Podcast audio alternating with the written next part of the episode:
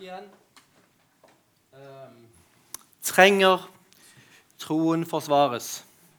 Det er et enkelt uh, ja-nei-spørsmål. Uh, og spørsmålet skulle egentlig ikke vært nødvendig.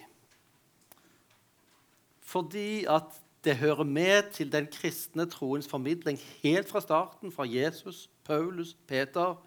De første kristne uh, i, i, i Oldkirken de 300 første årene så drev kristne intenst med å forklare og forsvare troen sin mot alle slags typer innvendinger. Og Det var en del av det som gjorde at den kristne troen vant respekt etter hvert, sammen med de kristnes liv, som var forskjellig fra de andre, de kristnes fellesskap, de kristnes omsorg for andre enn seg sjøl.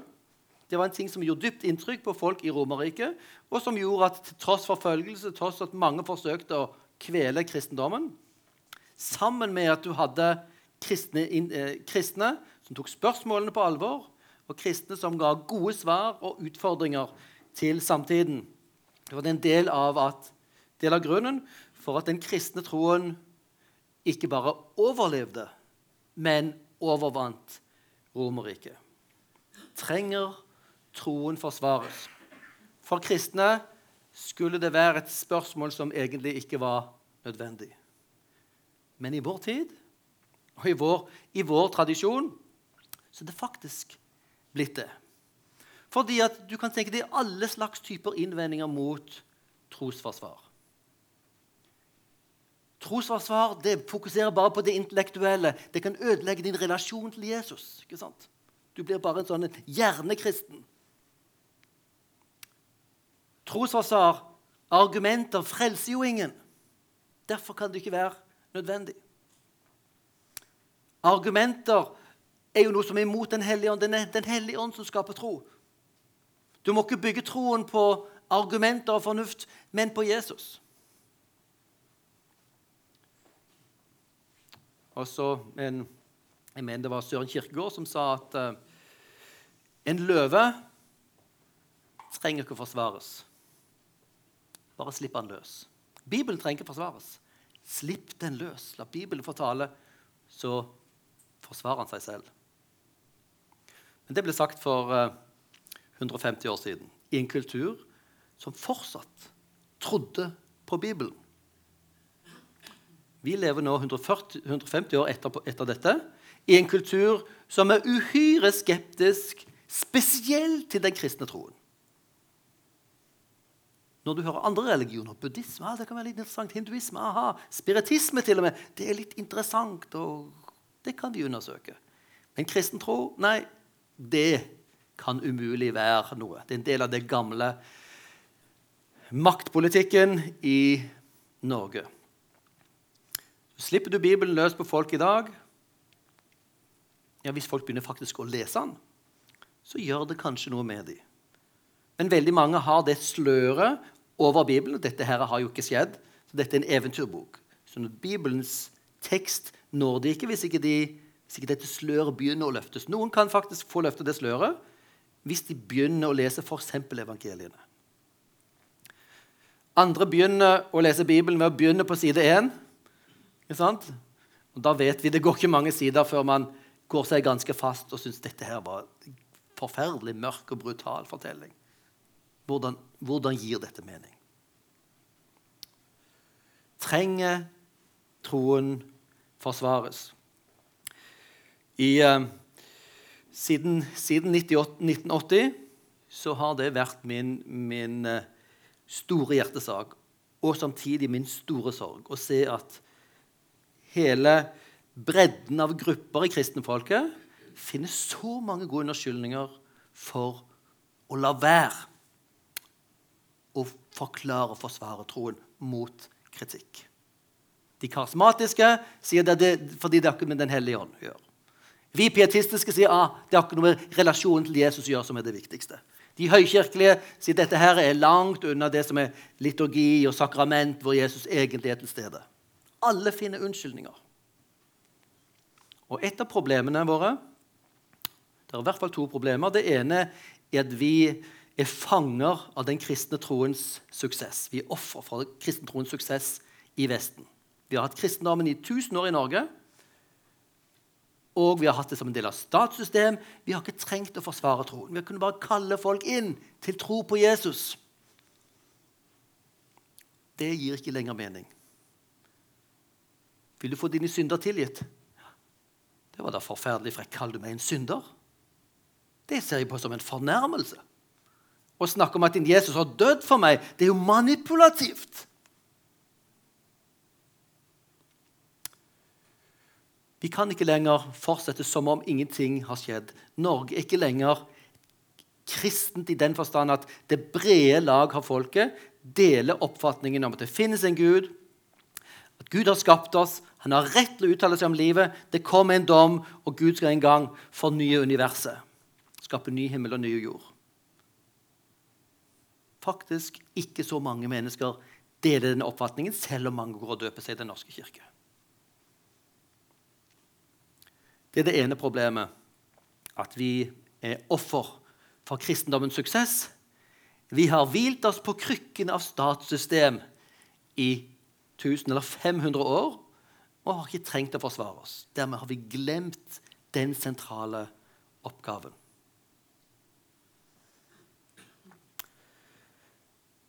Et annet problem er at vi også har lukket øynene, at ikke vi ikke er sensitive nok til å oppfatte alle stemmene rundt oss som stiller oss spørsmål. Hvordan kan dere tro på dette? Dette er da veldig rart. Og tror at vi kan bare sitte på vår stol og, og late som ingenting. I vår oppgave er å være her. Og vår oppgave er ikke å kaste oss inn i alle slags diskusjoner og debatter. Men når vi får spørsmålene, at vi har tenkt på hvorfor jeg er kristen. Hva kan jeg svare på spørsmål som jeg vet jeg kan få? Trenger troen forsvares? Det er da tre svar til det spørsmålet som jeg vil dele med dere i dag, og utdype litt hver av de. Trenger troen forsvares? Svaret ligger i spørsmålet.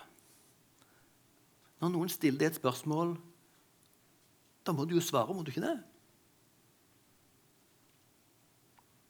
ikke det en ting som folk har rett til å forvente hvis de stiller det spørsmålet? Hvorfor tror du på Bibelen? Kan dette med Bibelen være sant? Kan det virkelig ha skjedd? Er ikke Bibelen bare full av eventyr? Hva med all volden i Bibelen? Kan du tro på dette? Er ikke det helt rett og riktig at de som spør oss, får noen svar fra oss. Kan vi bare si nei, du er, du er vantro. Eh, jeg nedverder meg ikke til å, svare deg på noe. Så Det er ikke en måte å forholde seg til et spørsmål. Trenger toen forsvares? Et spørsmål krever svar. Det er ikke alltid det krever et enkelt svar. Og iblant kan den beste måten å svare være å stille spørsmålet tilbake til mennesker. Ja, det var interessant. Hvorfor stiller du det spørsmålet? Sier du at du syns det høres mange, mange brutale fortellinger i Gamle testamentet? Ja, har, har, du lest noe der? Og tror du faktisk det er noe som er, er godt og ondt i universet? Tror du det er noe objektivt rett og galt i universet som gjør at du er så opprørt over de fortellingene? Så kan man få samtaler om de store spørsmålene. Um, men sånn som vi så Jesus bevegde seg, og Paulus, så var det veldig ofte i møte med spørsmål formidlingen skjedde. Det var noen monologer og taler, bergpreken, ikke sant? men en stor del av formidlingen Jesus sto for, skjedde i møte med spørsmål. Folk som kom og spurte. Og er det noen som kunne bare avvise spørsmål, så måtte det jo være Jesus. Guds egen sønn. Hvordan kan du stille hans spørsmål? Jo, Jesus bøyde seg ned, kom, ble misforstått, ble utfordret. Og så svarte han selv på fornærmende spørsmål. Faktisk ordet trosforsvar er et ord som brukes i Det nye testamentet.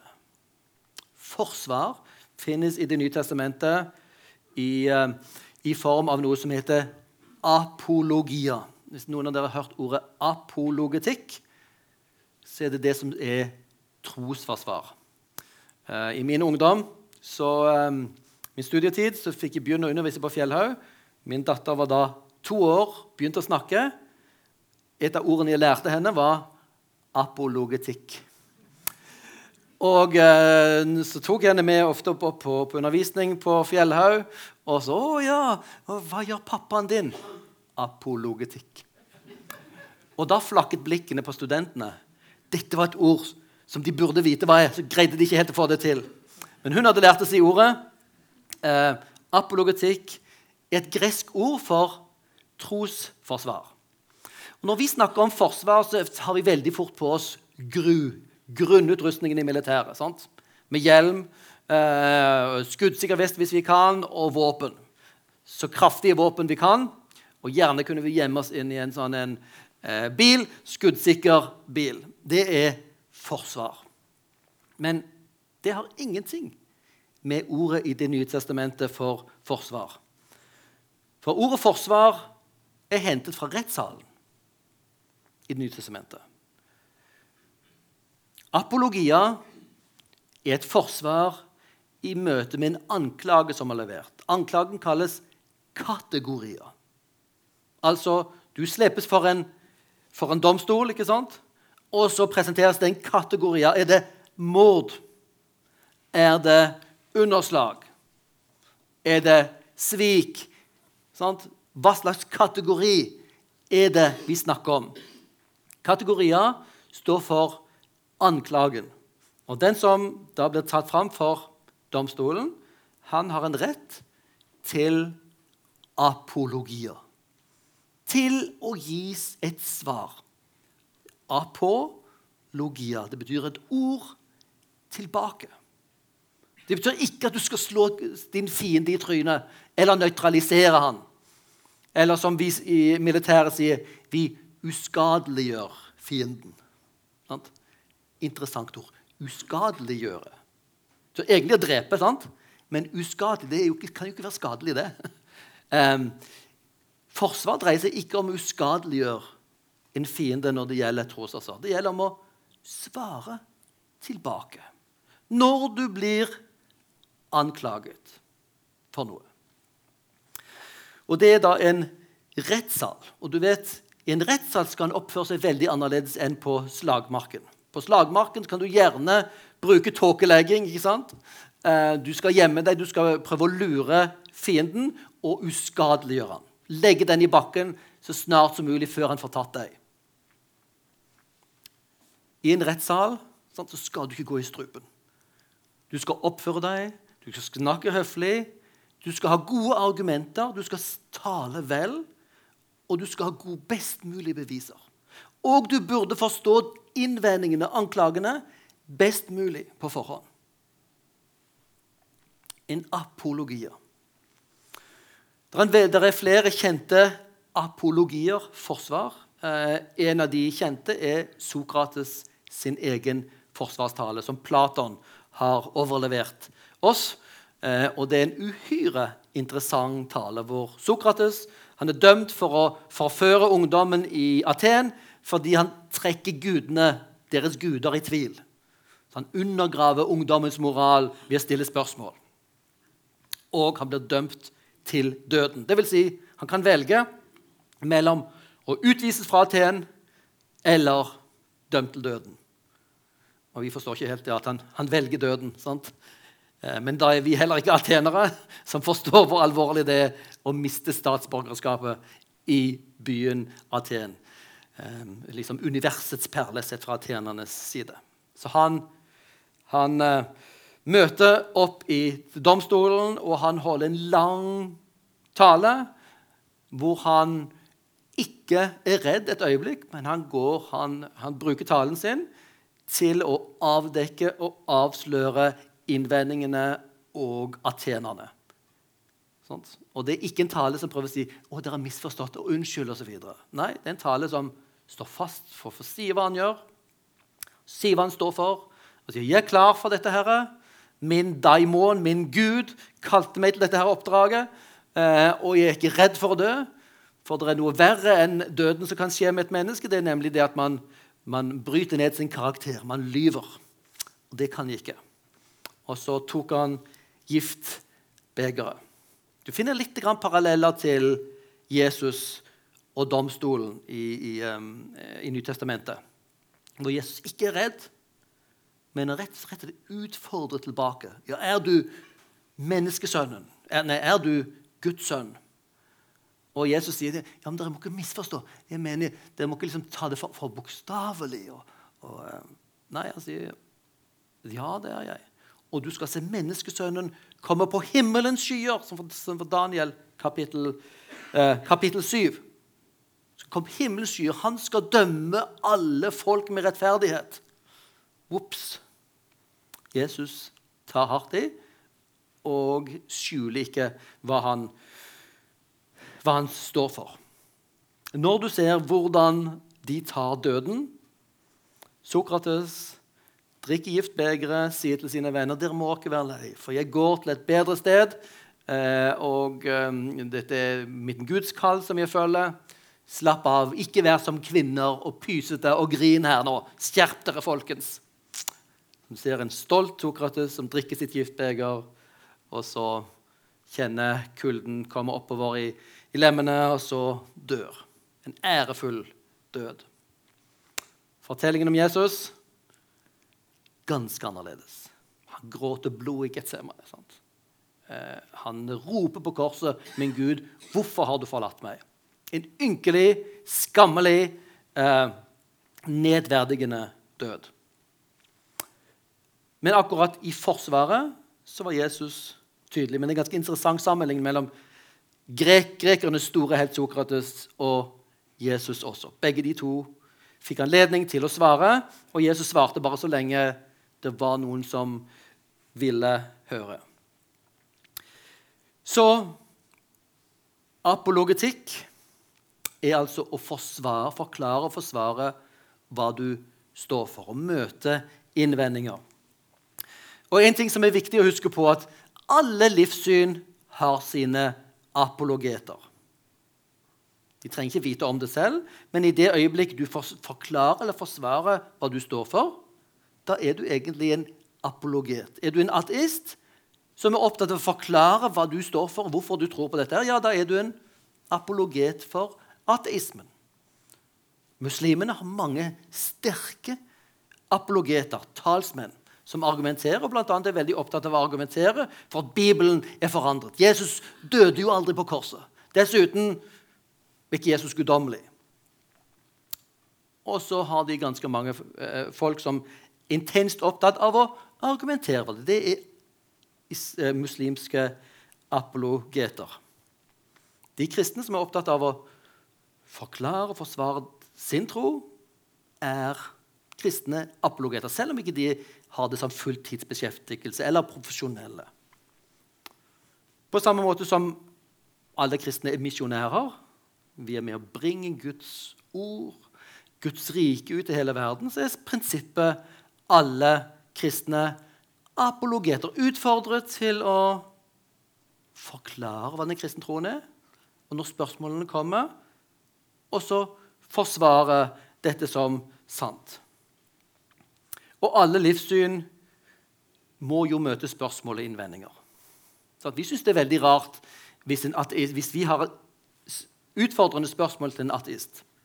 Han sier, du som er ateist, du tror ikke det fins noen Gud. Du tror vi bare er produkt av materie, tid og tilfeldighet. Hvordan kan du tro på rettferdighet? Vi er jo bare dyr.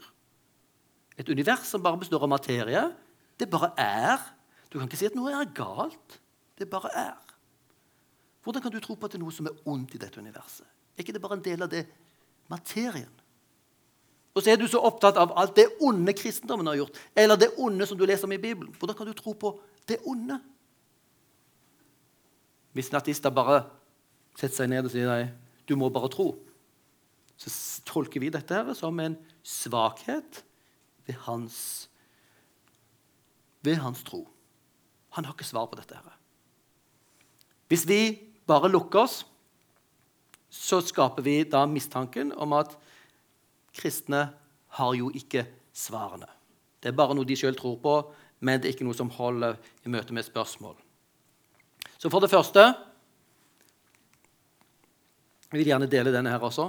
For det første, i møte med trenger troen for svaret, så er det jo folk trenger svar på spørsmålene. Um, Knøttene, en veldig gammel serie som fortsatt går i noen aviser. Noen av mine helter. Her er det Charlie Brown, eller Baltus på norsk. Han har ikke særlig stor selvtillit. Og strengt tatt ikke så særlig stor grunn til å ha stor selvtillit heller, hvis du ser etter. Men uh, det er en annen sak. Og så går han rundt til alle sine venner og, og roper 'Tro på meg, tro på meg'. Den ene etter den andre roper det sterkere og sterkere, og setter han seg ned. Det er bare, Jeg greier bare ikke å få folk til å tro på meg. Måten du skal få folk til å tro på det du tror på,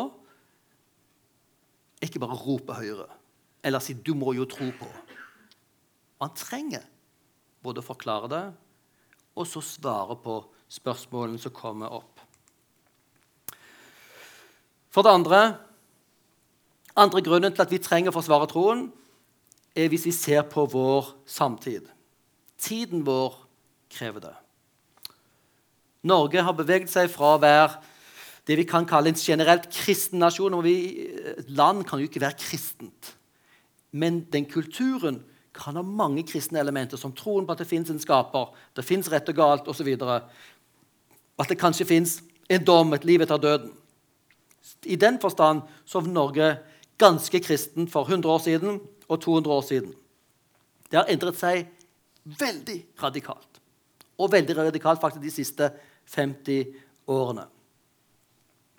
En stemme fra moderne ungdom, en heter Hanne Kolstø, en, en uh, norsk artist som har vokst opp i kristent ungdomsmiljø. Hun forteller om sin kristne bakgrunn. Jeg ville ikke vært det foruten. Hun er i hvert fall positiv til sin kristne oppvekst. Jeg ville ikke vært det foruten, for det ga meg mye, men altså ikke en tro som var slitesterk nok. Tvert imot begynte jeg gradvis å spørre meg selv hva andaktene egentlig sa til meg. Hvilken relevans hadde de for den jeg var, for den jeg ville være? Hva var sant? En skulle jo kunne tenkt at en person med sånne spørsmål kunne slippe til med dette i ungdomsarbeid, i kristne sammenhenger. Hva er dette sant? Hva er relevansen for meg? Rekk opp hånden. Hva har dette med meg og mitt liv å gjøre? Og Spesielt fordi eh, den verden som vi beveger oss i på Netflix, YouTube osv., er hygienisk fri fra kobling til Gud og Jesus. Når du kommer inn her, så er Gud og Jesus og Bibelen i sentrum. Og det er så vanskelig å forene de to verdenene. Sånn, hva har egentlig den verden å gjøre med mitt egentlige liv å gjøre? Hvordan henger dette sammen? Og det er ikke rart at ungdommen spør etter det. Og Vi som har drevet med kristen formidling og pastorer, er, er, jo spesielt sårbare for det. For vi beveger oss inn forbi denne sfæren uh, med de kristne tingene, de kristne verdiene. Vår jobb er å formidle Bibelen til, til uh, mennesker. ikke sant? Og så beveger vi oss inn forbi sfæren, og så er vi litt fremmede for den hverdagen som de fleste beveger seg i, med sekulære kolleger, med spørsmål, innvendinger, film osv. som vi ikke forholder oss til. Hvis vi ser på undersøkelser på ungdomskultur, så er det interessante ting som dukker opp. Her har vi en undersøkelse fra Amerika gjort en del år siden. Han heter David Kinneman har gjort en del forskning for The Barna Group. Dere kan finne opp den på nettet. De driver med mye forskning på, på hva som skjer eh, i Amerika, og ikke minst hva som skjer i forhold til menigheter, kristen tro osv. Og denne boken, som kom ut for en, eh, nesten ti år siden nå, heter You Lost Me. Og det dreier seg om den amerikanske konteksten. Den er litt forskjellig fra Norge. ikke sant? Eh, for noen år siden så var det faktisk 70% amerikanere som gikk ganske regelmessig i kirka. Så det er Svimlende prosenter. I Norge det er jo ikke 7% som går i kirka ukentlig. Vet ikke hvor mye det er. Tre-fire? Muligens. Her er det 70% Sånn at tallene er veldig forskjellige fra den norske sammenhengen. Men nå skal dere se hva liksom store kristne, hva som skjer i dette store kristelige landet. Noe av de samme utfordringene som vi også sliter med. Hvis vi ser for oss at vi har da ti ungdommer som går med i kirken, en del av menigheten, og så kommer det øyeblikket hvor de, er, de skal til college eller universitet. Da reiser de hjemmefra. I den bevegelsen fra det trygge, kjente miljøet hvor menigheten, familien, er del av omgivelsene, til dette nye miljøet på et college eller universitet som er helt sekulært, um, så skjer det noe med troen til disse ungdommene. Dere kan begynne å gjette hvor mange av de er det som forsvinner fra det kristne arbeidet. Kan det være 20% som faktisk faller bort fra menighetsarbeidet? 30 Det kan ikke være så mye som 50% vel som faller fra fordi de reiser hjemmefra. 70% 70% av uh, ungdommen, alle de blå her, faller fra kristen tro idet de beveger seg hjemmefra til college. En katastrofe. Hva er det som skjer? Han har uh, undersøkt også grunnene, og noe av grunnene er, er det som jeg skriver i den boken Unchristian også, at de har en opplevelse av å ikke bli tatt på alvor. I kristne menighet kan du ikke stille spørsmål. Så det er som å banne. Du gjør folk nervøse. Og Dessuten kan verken pastoren eller ungdomsarbeideren de tingene, han, han, han, kan jo teologi og Bibel, men han kan ikke hjelpe deg med, med ting som har med litt, litt, andre ting å gjøre enn akkurat det som er hans spesialfelt. Det er overfladisk. Det er ting som du har i det, store, brede amerikanske miljøet at, at uh, God will make your dream come true og, og sånne ting. Det er antivitenskapelig. De er veldig opptatt av å angripe evolusjon. Du må i hvert fall ikke tro på det. Og da finner jo folk ut ja, da kan jo som kristen jo ikke studere biologi eller geologi osv. Som alle har den oppfatning at universet er veldig gammelt. Og idet de flytter hjemmefra, så får de høre Tror du på dette? her? Og dette er jo mot alt det vitenskapen sier. Og så har de ingen svar.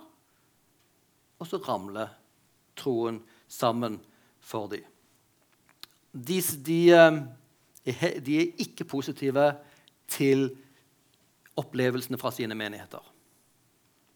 Så det er ikke noe spesielt grunn til å tro at de vil komme raskt tilbake. For sånn var det før i tiden. Man reiste på studiet. sant? Da forsvant man fra menigheten, så kom man tilbake og ville stifte familie. Så fant man tilbake til menighetene sine igjen. Sånn synes det ikke å være lenger.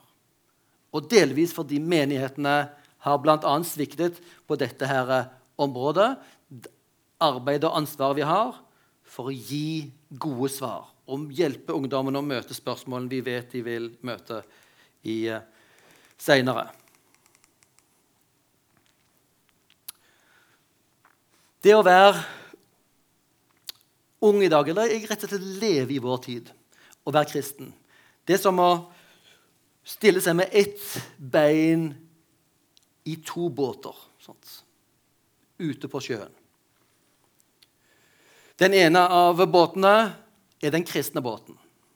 Her tilbyr vi Jesus, vi takker for Guds godhet, vi stoler på Hans ord, vi håper på en ny himmel og en ny jord. Men så lever vi i en verden, i en medieverden, i et sosialt nettverk, som ser på dette som latterlig. Bibelen er gammeldags, den er full av eventyr. Du må ikke la andre kontrollere deg, du må finne ut av deg sjøl. Du, du, må ikke nøye deg med gamle svar. Du trenger å oppdage nye ting. Og hvis en uh, ungdom, eller hvis vi som menneske, moderne mennesker ikke får hjelp til ja, hvorfor, hvorfor, skal jeg holde den ene foten min igjen i kirka, i menigheten, når disse går fra hverandre? så begynner det å gjøre ganske vondt i skrevet. Lenger og lenger fra hverandre. Og så, på et tidspunkt, så blir den unge nødt til å velge hvilken båt satser jeg på. Og mange unge velger da foten oppi den sekulære, ut fra menigheten. Og Jesus har jo latt oss få lov til å ta det valget. Men det er tragisk hvis ungdom tar det valget fordi de tror ikke det finnes noen svar blant de kristne. Fordi de tror dette bare er eventyr. Eller de tror at dette ikke har relasjon til livet vårt. Som Hanne Kolstø sa det. For det er jo en forvrengning. Det er jo ikke sant. Kognitiv dissonans er den opplevelsen å ha to tanker i hodet samtidig som ikke går an å forene. Gud er god, Gud er stor. Gud finnes ikke. Og Bibelens Gud er uansett voldelig. Hvordan kan vi leve med det? Den kristne troen, den kristne trosforsvaret hjelper oss å se på de gode grunnene for å anta at den kristne troen faktisk er sann. At Jesus ikke bare har eksistert, men han døde og sto opp igjen. Han sto opp eh, etter Skriftene. Han døde for våre syndere og sto opp til vår rettferdighet. Det er god grunn til å tro på det. Det er også god grunn til å tro at dette dreier seg om vår liv, det er aktuelt inn i vår tid. Å tro på at Gud er god. Vi kan ikke bare la være å snakke om det. Derfor er jeg også veldig glad for invitasjonen. Dette setter dere på dagsorden. Dette er viktig for oss, og faktisk litt på tvers av aldre her. Men det å vokse opp og være ung er en spesiell utfordring, fordi på et eller annet tidspunkt så trenger du å på en måte avklare din identitet. Hvem skal jeg tilhøre? Og så hører vi de stemmene som synes kristentroen er helt irrelevant og gammeldags. Hva gjør vi med de? Og hva gjør vi med spørsmålene og innvendingene?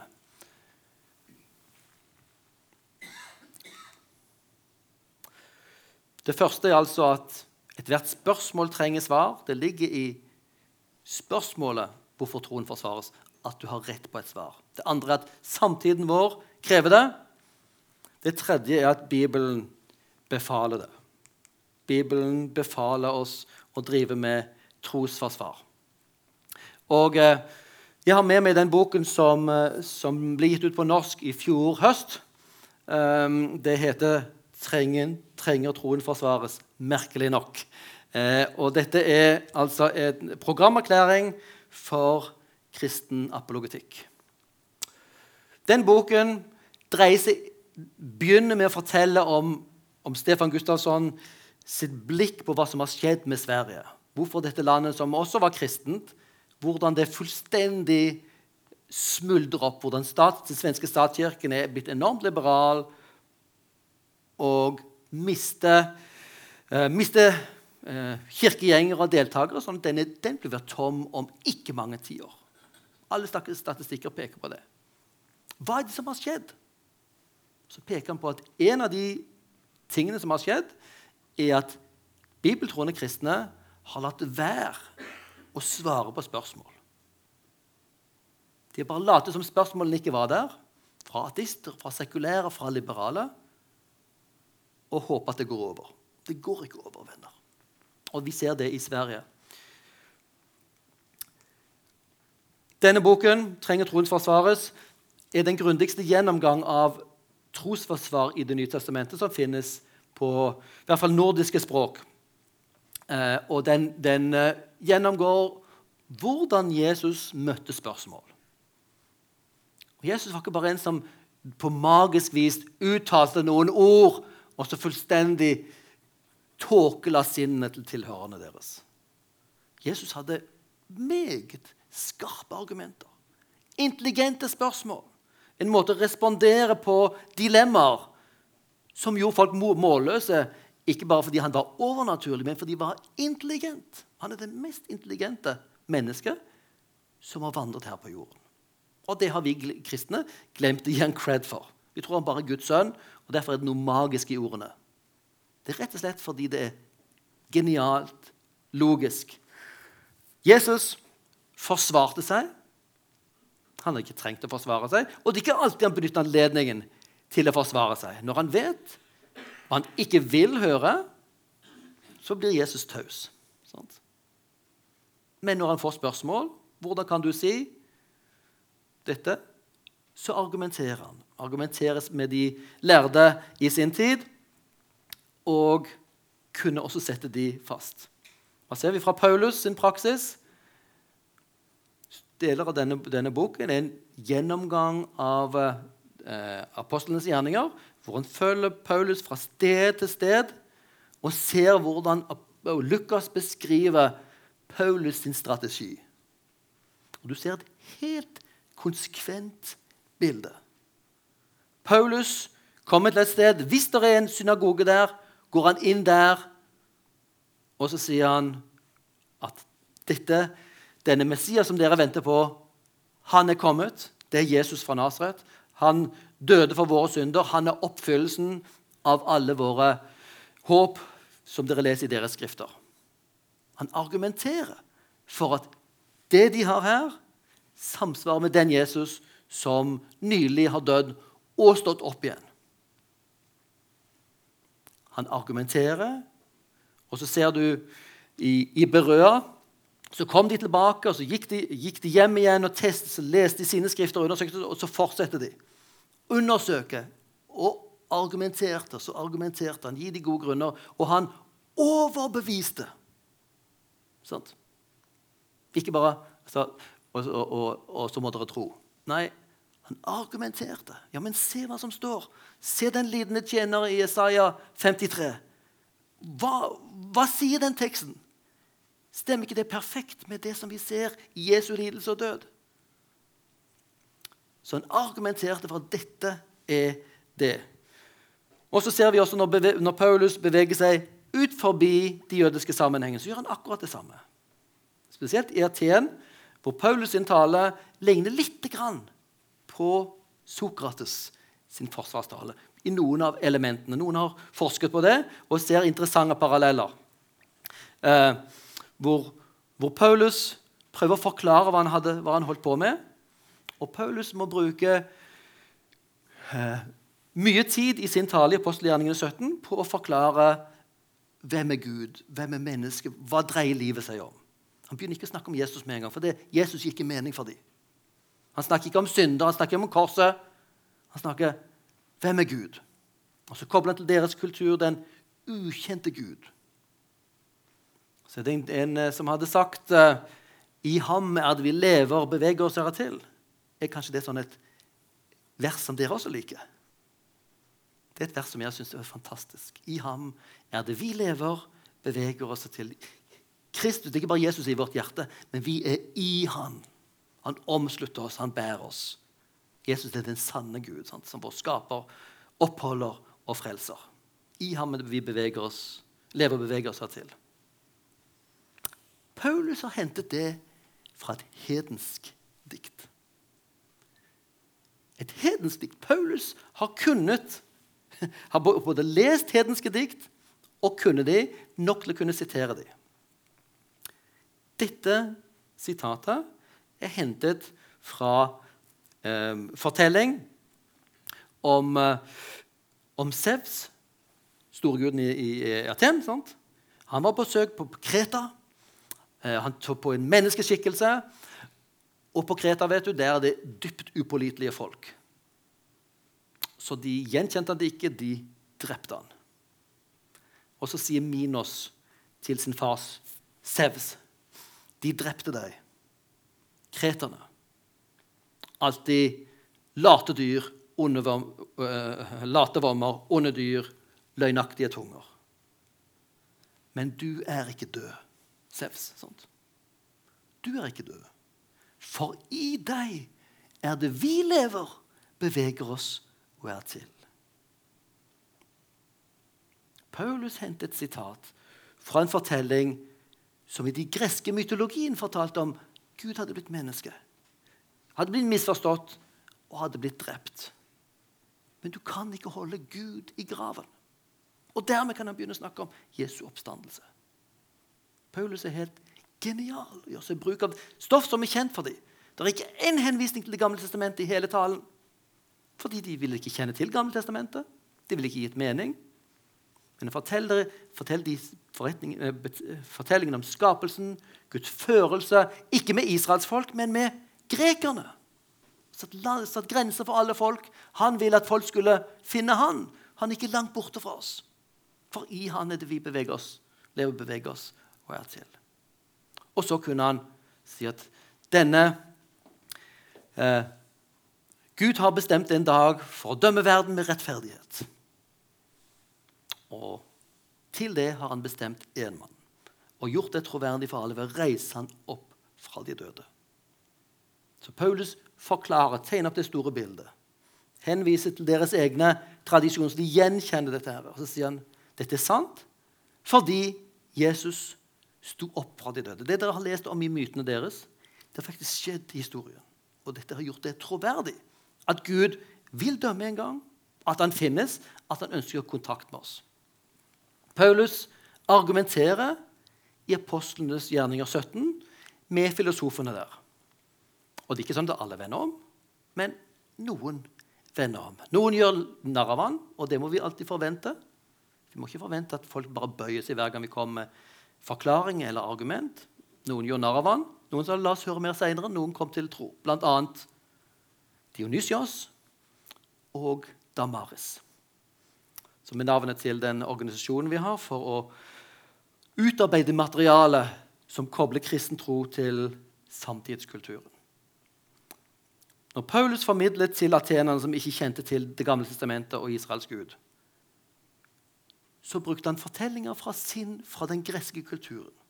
Fortellingene, diktene, som gjorde at de gjenkjente dette. her.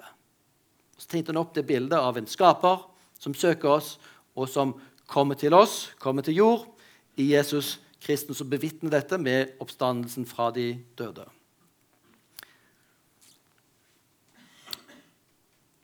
Så gjennom Det nye testamentet ser vi en helt konsekvent holdning hvor Jesus svarer på spørsmål. Paulus svarer på spørsmål. Han er opptatt av samtale, opptatt av dialog, diskusjon, og han overbeviser. Sånt. Han argumenterer for dette, og noen lar seg overbevise. Ikke alle. Det er ikke tvingende argumenter, men det er gode argumenter. Og så Peter. 1. Peter 3,14. Dere vet jo Peter. sant? Eh, han er jo helten til en del av oss fordi han ja, han går i bare så ofte. sant? Eh, han var jo veldig frimodig, veldig djerv, og så gjorde de største feilene. Han var også en person som tydeligvis var litt sånn emosjonell. Sant? Ja, du er, den, du er Messias, den levende Guds sønn. Sant? Om alle de andre for, eh, forlater deg og sviker deg Jeg vil aldri gjøre det. Sant? Han var førstemann ut og sikker gikk på magefølelsen. Han lot seg begeistre, men han var nok et følelsesmenneske når han kom under Jesu rettergang. Jesu forhør så hadde han og Johannes sneket seg inn i øverstprestens gård. Og jeg tror vi har faktisk funnet den i dag, eh, hvor den er i, i Jerusalem. Eh, og pga. Johannes greide å, å, komme seg inn og, og, og, få med seg litt av eh, forhøret mot Jesus. Sant? Og der er det folk som gjenkjenner han. Og Høres ikke du til disse her? Og da har du Paulus, den emosjonelle Nei, Paulus, det er Peter, den emosjonelle, som bryter sammen. Livredd. Dette som skjer med Jesus, gir ikke mening. Han er jo vår Messias. Han skulle kaste romerne ut. Han skulle jo gjøre Israel stort igjen. Han skulle oppfylle alt dette vi har hørt i Gamle testamentet. Og så ser det ut til å ende slik. Jesus gjør jo ingenting. Alt ramler sammen. Både troen på Jesus men også hans bekjennelse til Jesus. Den emosjonelle som vet hva det vil si å være redd. frykt. Paulus skriver sitt brev, muligens på 60-tallet, til folk nord i Tyrkia. Nå vet vi i dag er det veldig lav prosent kristne i Tyrkia. Tyrkia var et stort kristent land sant, før islam kom. Eh, nå er det nesten renset for kristne. Eh, men det skjer mye. Det er også vet dere, eh, under eh, radaren i muslimske land. Men her hadde folk begynt å kjenne presset på de kristne. Og um, han sier da ok, nå må dere forberede dere. Dere kan ikke vente at dette går over. Og dere husker hva som skjedde med Jesus, han som vi tror på. Han gikk ikke, gikk ikke utenom, men han gikk inn i døden for oss. Og vi må huske hans blod var det reneste blodet ikke sant? som han ga for oss. Nå må dere forberede dere på en vanskelig tid. Og så er det spørsmålet ja, hva skal, vi, hva skal vi gjøre da, når folk vil sette oss til veggs? Husk det, vi har den Peter her for oss, som var den emosjonelle, ser det ut til å være. Og han er heller ikke lærd. Han sier til og med i sitt andre brev at det Paulus skriver, det er jo så vanskelig. Altså, noen av de tingene er jo skikkelig vanskelig å forstå. Men han er jo apostel, så, så, så, så, dere må høre på det. Peter syntes det var vanskelig å forstå Paulus. Peter hadde ingen utdannelse. Men han hadde en tro som også kunne da vakle.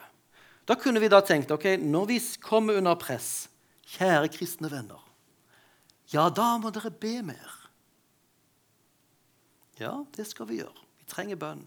Det andre leser mer i Bibelen. Ja, vi trenger også samles om Guds ord. Det kristne fellesskap, mer lovsang. Ja. Men hva er det Peter sier? Den ulærde, den som er ikke professor, ikke intellektuell.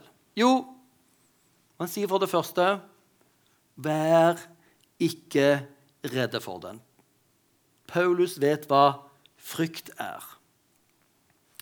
Vær ikke redde for dem, La dere ikke skremme, men hold hellig Kristus som Herre i hjertet.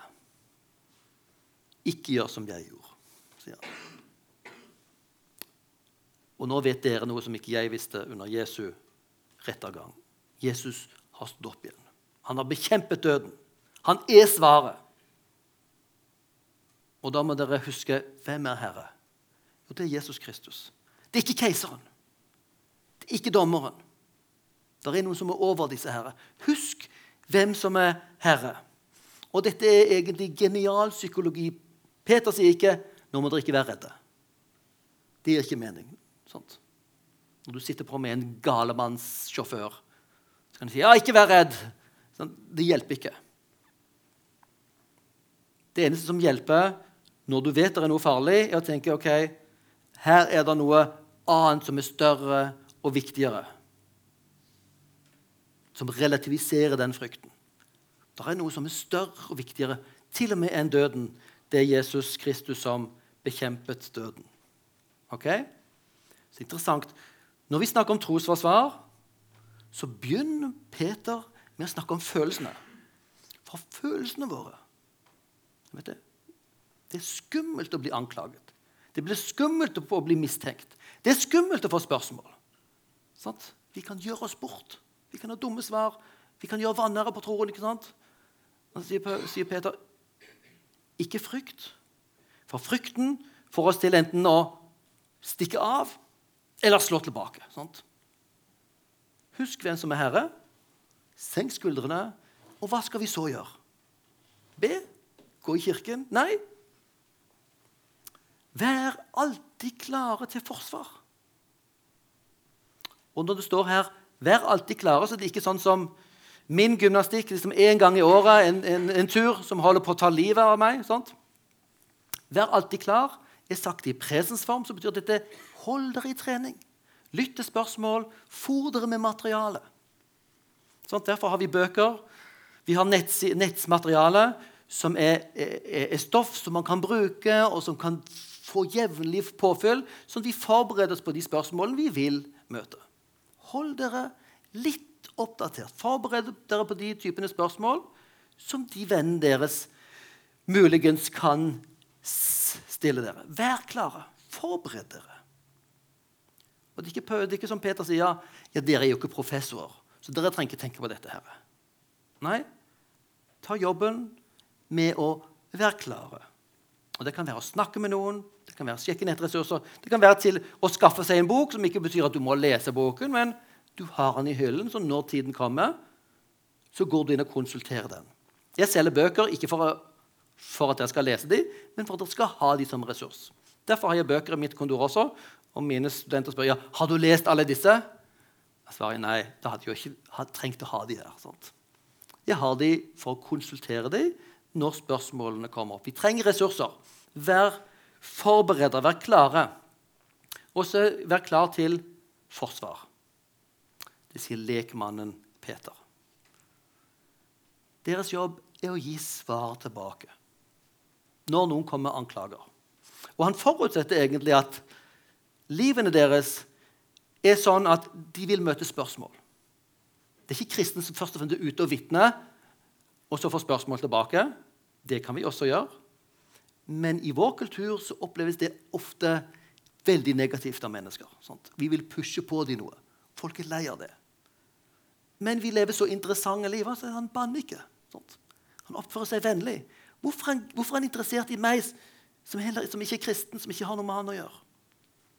Det å være kristen det gjør at man skiller seg ut. Og gjør at plutselig kan du få et spørsmål som enten er litt kritisk, eller som er også åpent og interessant. Men forutsetter egentlig at kristne får spørsmål fordi de er kristne. Og Det betyr da trenger vi å leve som kristne.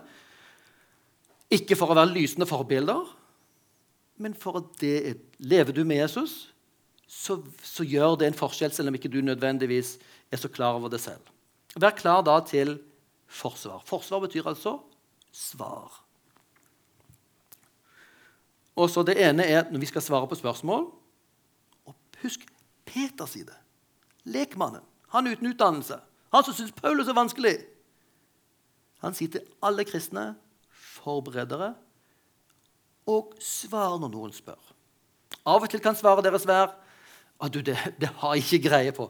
Jeg, jeg driver ikke med naturvitenskap, så, så, det må du egentlig spørre noen andre. Men jeg vet en god nettside. Jeg har en bok. Og jeg vet det er kanskje en person som har tenkt på dette, her, hvis, hvis, du lurer på det. Eller du kan si at ja, det var et godt spørsmål. Dette kjenner jeg at jeg som kristen burde tenkt på. Um, kan jeg få en uke til, til, å tenke på dette, så kan vi snakkes om det? Du skal ikke være en svarmaskin som gir deg ut for å forstå ting som du ikke kan. Men du skal ta spørsmålet på alvor. Og når du får et spørsmål, så har du slags, rett og slett rett til å tale. Og da har du interessen til den som spør, også normalt. Vi skal svare, det er den ene siden. Og så står det når noen krever det til regnskap for troen. Regnskap ikke for troen, men for håpet. Regnskap for håpet. Hva er et regnskap for noe? Noen av dere driver mye om dette. her. Sant? Et regnskap er ryddig og oversiktlig. Det er, ikke, det, er ikke, bare en haug med kvitteringer. Sant? Dere som driver med regnskap, blir ikke glad for å få liksom en, en, en, koffert med kvitteringer. Sant? Kan jeg få penger for disse?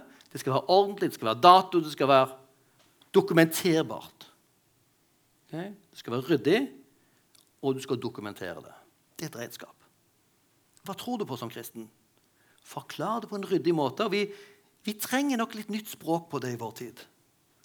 Hvis du sier til en, en ung nordmann i dag jo, tro på Jesus, så får du vasket dine klær i lammets blod og bli en del av den store, hvite flokk på gater av gull. Eh, det er kananspråk som er flott for oss som er kristne, som er innenfor her. Men det gir ikke mening. Hvordan formidler vi på en meningsfull måte, sammenhengende måte, hvem Gud er. Hva livet går ut på, Jesus, hvilken forskjell Jesus gjør, hva Jesus gir oss. Det er regnskapet. Ryddig forklaring og så dokumentasjon. Ja, har han levd? Hvorfor tror du at dette faktisk er sant? Det er dokumentasjon. Og Derfor har vi dette, disse skeptikernes guide til Jesus. for å liksom se, Undersøker du dette, ja, så kan du finne materialet der. Hvis du bare gidder å se på dem, så finner du det. Hvis folk ikke er interessert, ja, da er det jo deres egen feil de ikke vil undersøke. Men vi trenger å være ryddige Og vi trenger å dokumentere det. Et regnskap. Og det regnskap ikke bare for troen vår, men for håpet. For dere vet at ok, det vi kristne hevder, er jo ikke bare det fins en Gud. Det tror egentlig de fleste nålevende mennesker sannsynligvis. Og gjennom historien. Det fins en gud eller noen guder. Det fins et liv etter døden. Ja, de, de har de fleste trodd gjennom historien. Det er ikke noe stor oppdagelse.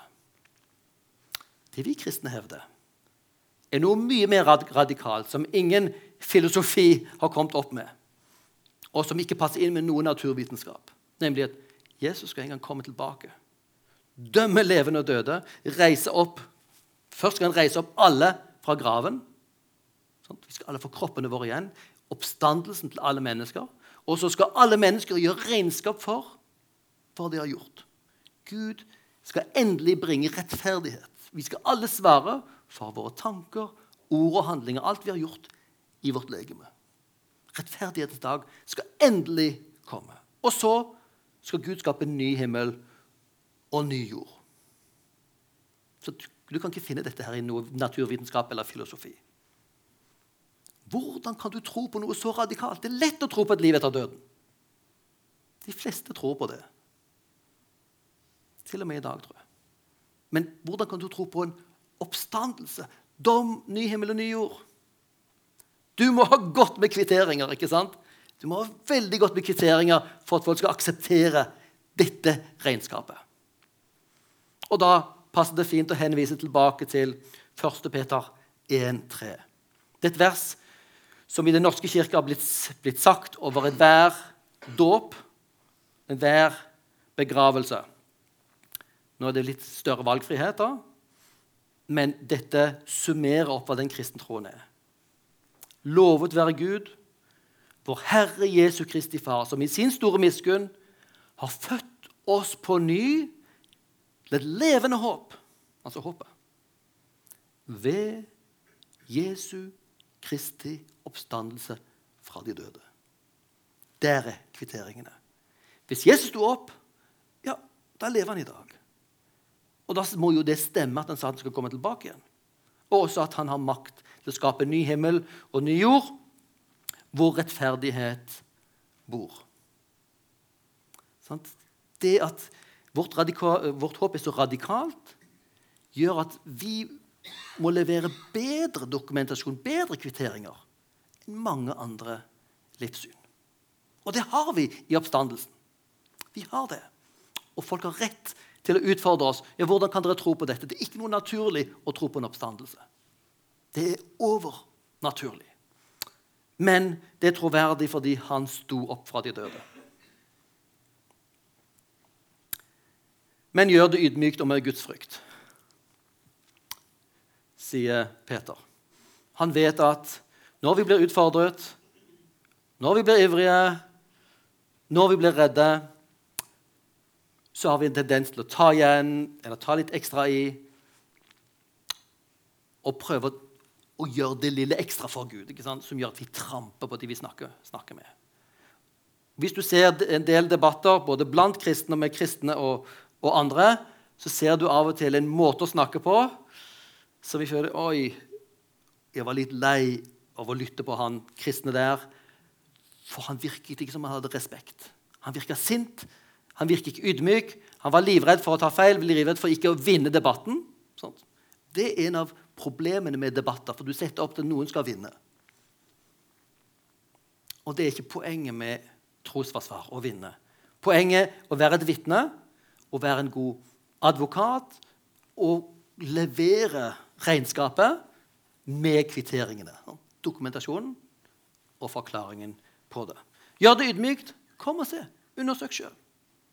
Og så pleier jeg å si til folkene som hvis, hvis ikke de er kristne uh, Hvis jeg kan få komme til dette med oppstandelsen, så jeg, ja, undersøk dette her selv. Uh, og hvis du skulle finne ut at det ikke har skjedd, fortell meg det. Og hvis ikke det skulle ha skjedd, ja, da, sier jo Paulus, da er den kristne tro helt meningsløs. Dermed utfordrer han Peter oss til å gjøre det ydmykt. Det er både ydmykt overfor medmennesker sånt? og det er overfor en Gud som vi skal stå, stå til ansvar for selv. Eh, og Det er ikke vi som skal belære folk. Folk er veldig lei av kristne som enten er moralister og forteller dem hvordan de skal leve, eller hva de skal tro. Sånt. Og vi vet vi liker ikke det heller. Vi skal være vitner og si at dette er, dette er bra. Dette holder vann. Dette kan du undersøke. Kom og undersøk. Gjør det ydmykt og med Guds frykt, så dere kan ha en god samvittighet. Skal troen forsvares? Selvfølgelig. Spørsmål fortjener svar. Og ser vi på vår tid, så roper den etter kristne som faktisk er der for å prøve å respondere på mytene som vi hørte, hørte, i går kveld. Den svære myten om at tro er i konflikt med vitenskap. Hvis ikke den punkteres, er det ikke rart at veldig mange ikke engang vil undersøke den kristne tro. Tenk når dere får besøk av mormonerne på døren. ikke sant? Vil dere ikke tro på dette, så er Mormons bok i konflikt med Bibelen for det første. Og det historiske materialet de har, er fullstendig håpløst. Arkeologene som har, levd, som har gravd i Amerika for å prøve å finne spor etter de såkalte bevegelsene der, de finner ingenting. Men de bare utfordrer ja, bare les dette, se om Den hellige ånd overbeviser dere. Og så blir folk mormonere fordi de emosjonelt blir dratt inn, men uten at det er grunnlag for det. Folk fortjener svar. Folk fortjener respekt for sin skepsis. Det er bra at du er skeptisk når Jovas vitner, mormoner og muslimer kommer på døren. Vi får dessverre ikke besøk så mye av muslimer. Men vi må prøve å skape arena for å snakke med dem. Og dere må vite at en del muslimer har lest seg inn på en del stoff og har en del argumenter mot Bibelen. Det fins masse stoff på Internett hvor du har veldig skråsikre muslimer som forteller om Bibelen er forandret. Jesus døde ikke. Han sto ikke opp. Det er vi som har det sanne bildet av Jesus. Og Hvis ikke vi forbereder oss på dette, her, så kan ikke vi hjelpe dem. Og Derfor holder vi nå på å oversette en bok eh, til i høst nå, som heter 'No God But One' av Nabil Qureshi, som skrev boken 'Søkte Allah fant Jesus'. Tidligere muslim, som i studietiden bodde sammen med en, en, en, en kristen student. Og de ble, de, Begge to var hellig overbevist, de begynte å diskutere. Og så ble han kristne enige om ok, la oss diskutere islam først. For han var så overbevist om at dette var sant. Og så prøvde muslimene å overbevise han kristne om, om Muhammeds fullkommenhet, Koranens fullkommenhet og og fortreffelighet. Og så gjorde han hjemmearbeidet, han kristne. Han stilte spørsmål, og så måtte han gå til sine lærde. Og så fant ja, de har ikke svar på dette. her. Historiske spørsmål, moralske spørsmål. Han fant ikke svar. Og når, når han da så at ok, dette holder ikke, så ble han åpen. Ja, ok, la oss undersøke kristentroen, da. Og så prøver han de tøffeste spørsmålene. Og så gikk det på Jesu oppstandelse. Så gikk det en tid, og så ble han kristen og mistet da familien sin sånn, i, i, prosessen som avviste han. Han har skrevet boken nå 'No God But One', hvor han sammenligner islam og kristendom når det gjelder syn på Gud, syn på krig, synet på Jesus osv. Eh, en bok som hjelper oss kristne til å forberede oss til å møte spørsmålene fra muslimer så vi skal svare, kunne svare. Fordi Spørsmålene fra de er annerledes enn spørsmålene vi får fra en ateist, en sekulær nordmann i dag. Så vær våken for den boken som kom i høst. Det er med å oppfordre folk til å spre den og dele den og skaffe seg den, som hjelper oss både å forstå islam, men også stille spørsmål til islam, til å forstå kristen tro, og hjelpe å gi gode grunner for kristen tro. Dette er noe som kristne holder på med i dag. Vi skal være fantastisk takknemlige for at det er en global oppvåkning blant kristne på dette feltet. Om eh, to måneder så skal jeg til eh, Polen. Det er en årlig konferanse som heter European Leadership Forum, hvor eh, 500-700 ledere i Europa samles. og hvor det kommer noen av de fremste bibeltro kristne forskerne fra mange felt. Det er filosofi, det er teologi, det er um, uh, samfunnsfag 30 ulike nettverk som samles og prøve å ta på alvor misjonsutfordringen i Europa. Hvordan vinner vi Europa tilbake? Vi trenger å ta spørsmålene innover oss. Vi trenger å ha svar som også tåler kritisk blikk fra fagfolkene. Ikke bare de lette, enkle svarene. Og så trenger vi selvfølgelig også spre dette ut til kristenfolket. Så Vi lever i en tid hvor det fins massevis av ressurser. Og vi holder jo også på å dele dette her på, på våre sider i Damaris Norge. Så jeg vil veldig gjerne at, at uh, dere tar med dere i hvert fall et bokmerke i dag. Legger det inn i deres bibel, så kan vi ha det som liksom avtale. Når Gud minner dere på det, husk å be for Gimlekollen og Damaris Norge. Det er mange utfordringer her. Det er mange skjær i sjøen vi har blitt båret til nå. Um, og det er ganske mange som ønsker å kvitte seg med oss. Um, det er mange eh, som syns det er utfordrende at det er sterke intellektuelle kristne stemmer som kan utfordre ateismen, som kan utfordre islam. Eh, der står vi. Eh, og disse ressursene ønsker vi å dele. Så eh, er vi takknemlige hvis dere kan være med å spre informasjon om dette og hjelpe kristne å gjøre seg bruk av disse tingene. Blant annet er det jo da, ti videoer til hver av de bøkene av Stefan Gustavsson her så man Istedenfor å, for å lese gjennom kapittelet kan man faktisk sette en, en video på, på uh, Snakk om tro og høre fire minutter. Så har man oppsummering av et par kapitler. Sant? Så uh, gjør det lettere for den moderne, nye generasjonen som bruker flere medier. Stoffet er der. Og så kan man utfordre de som vil gå grundigere inn, og gå inn i boka og i fotnotene. Troen trenger å forsvares.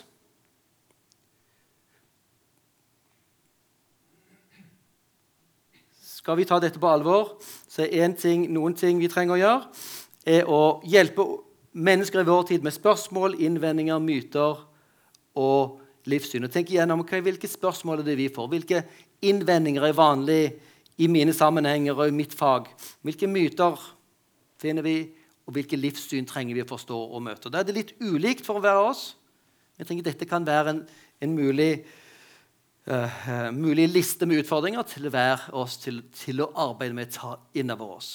Og så tror vi dette her uh, Vi tror ikke at vi skal seire fordi vi er briljante eller greier å argumentere, men fordi Jesus er sannheten. Han lever i dag, han har stått opp. Og um, han bærer oss, og han forventer at vi er tro. ikke sant? Han forventer ikke mer. Han forventer ikke at vi skal vinne diskusjoner. Men han forventer at vi skal være tro mot kallet hans, og det innebærer også ja, svar så langt du evner. Vær til stede og lev ydmykt med din Gud.